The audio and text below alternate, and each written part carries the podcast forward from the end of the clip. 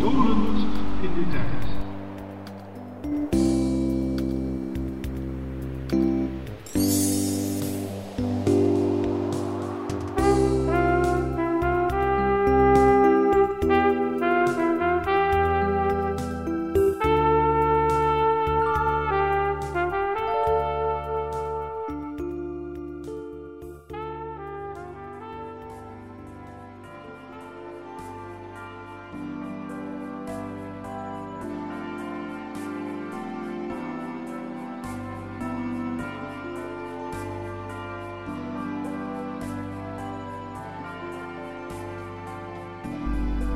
Kom, schiet een beetje op.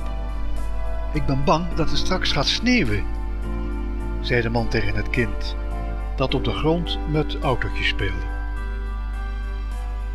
Hij moest het jongetje zoals elke maand weer terugbrengen naar huis.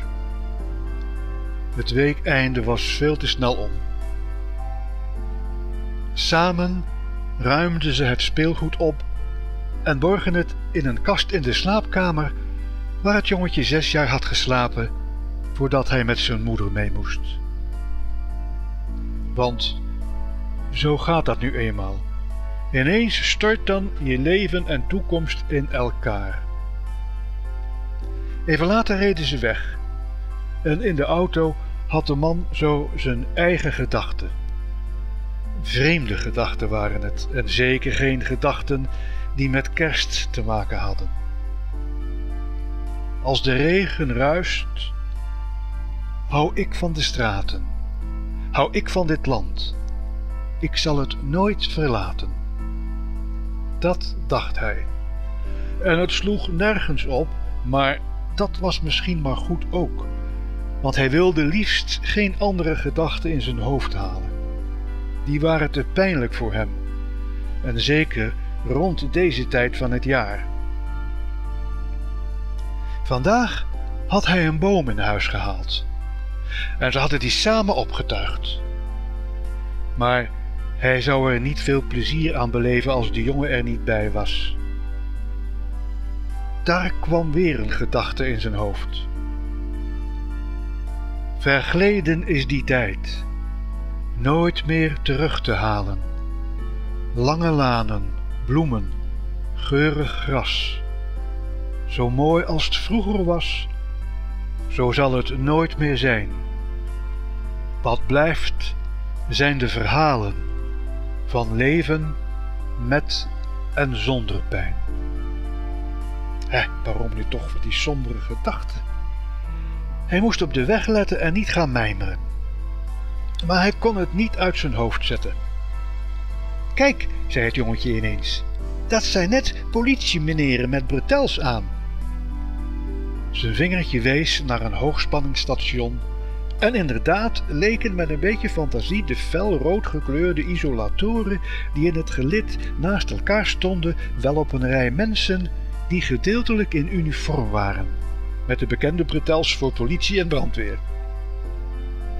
De man glimlachte en keek door het raam naar de lucht. Die was donker zoals zijn stemming nu donker was. De auto zoemde zacht. De banden zongen op het asfalt. En er was nog geen sneeuw gevallen en hij hoopte maar dat die ook niet zou vallen voordat hij thuis zou zijn. Thuis, in zijn eenzame huis met die kerstboom in de hoek van de kamer.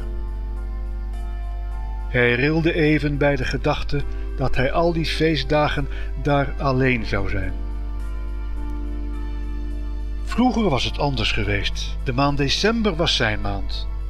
Dat begon eigenlijk al eerder en soms al in september als hij zich ging voorbereiden op het Sint-Nicolaasfeest. Het mooiste feest van het jaar vond hij dat. De spanning was dan haast ondraaglijk en bereikte zijn hoogtepunt op de avond zelf, pakjesavond. Een grote hoop presentjes lag er dan op de grond en met behulp van speculaas en warme chocolademelk werd het nog gezelliger gemaakt. Hij zelf maakte altijd een spel, daar was hij maanden mee bezig. Verzon een gek verhaal of een puzzel en nam dat op met een recorder. Het werd een soort van klankspel, En de voorbereidingen waren voor hem haast nog fijner dan het eigenlijke afdraaien op Sinterklaasavond. Als daarna het spel de pakjes werden uitgepakt, zag je alom stralende gezichten, dat van hem niet uitgezonderd. Daarna kwam de kerst, met overal versieringen, mooie muziek en wederom gezelligheid in huis, maar nu allemaal wat serieuzer en waardiger. Dat was allemaal weggevallen. Zo hard kan het leven zijn. Als de regen ruist, probeerde hij weer en keek uit zijn ooghoeken naar het jongetje naast hem dat voorzichtig de van oma gekregen reep chocolade openmaakte en hem een stukje presenteerde. Volgende maand kom ik weer hoor, zei hij, als raadde hij de gedachten van zijn vader. De tocht leek altijd sneller te gaan dan hij wilde, en even later reden zij al op het huis van het kind aan.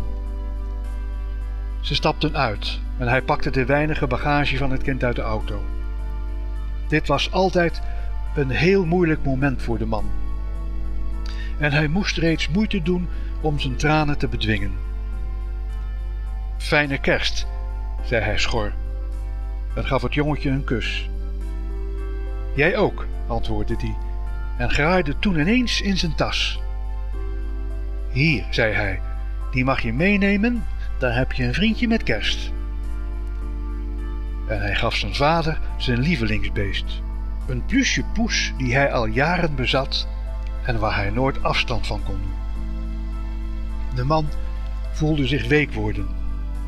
Door hem heen stroomde een mengsel van verdriet, tederheid en geluk, en hij kreeg een brok in zijn keel. Dank je wel, stamelde hij, want meer kon hij op dat moment niet uitbrengen. Op de terugweg kwamen de tranen. Het was kerstavond, bedacht hij zich, en hij keek naar de poes naast hem op de bank. Hij aaide zijn kopje. Er veranderde zoveel in de wereld, en niet alleen in die van hem. Maar ja, je eigen problemen wogen altijd het zwaarst. Er kwam spontaan een gedicht bij hem op. Moeten wij zo verder gaan? Ons einde tegemoet? Is al het mooie van de baan? Doet niemand dan meer goed? Zeg mij eens, wie is die held die hier wat aan kan doen? Aan deze wereld vol geweld. En waar bleef ons fatsoen? Een kind dat met een hoepel speelt, lui liggen in de berm. Nu is er de computerkoorts, alleen nog maar een scherm. Hij zag dat de eerste sneeuw uit de lucht begon te vallen en zette de ruitenwissers aan. Met een monotoon geluid begeleidden zij een volgende gedachte. Kan alles nog volgens mijn wensen? Of is de blik door de vensters van gisteren veranderd in een blik door de windows van vandaag? Hij gaf wat extra gas en klemde zijn handen stevig om het stuur. Hij had de poes van het kind een hele maand voor zich alleen en daar verheugde hij zich op.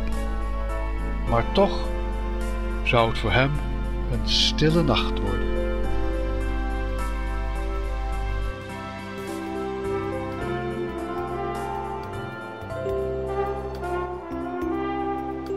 Johan Sinker, dolend in de tijd.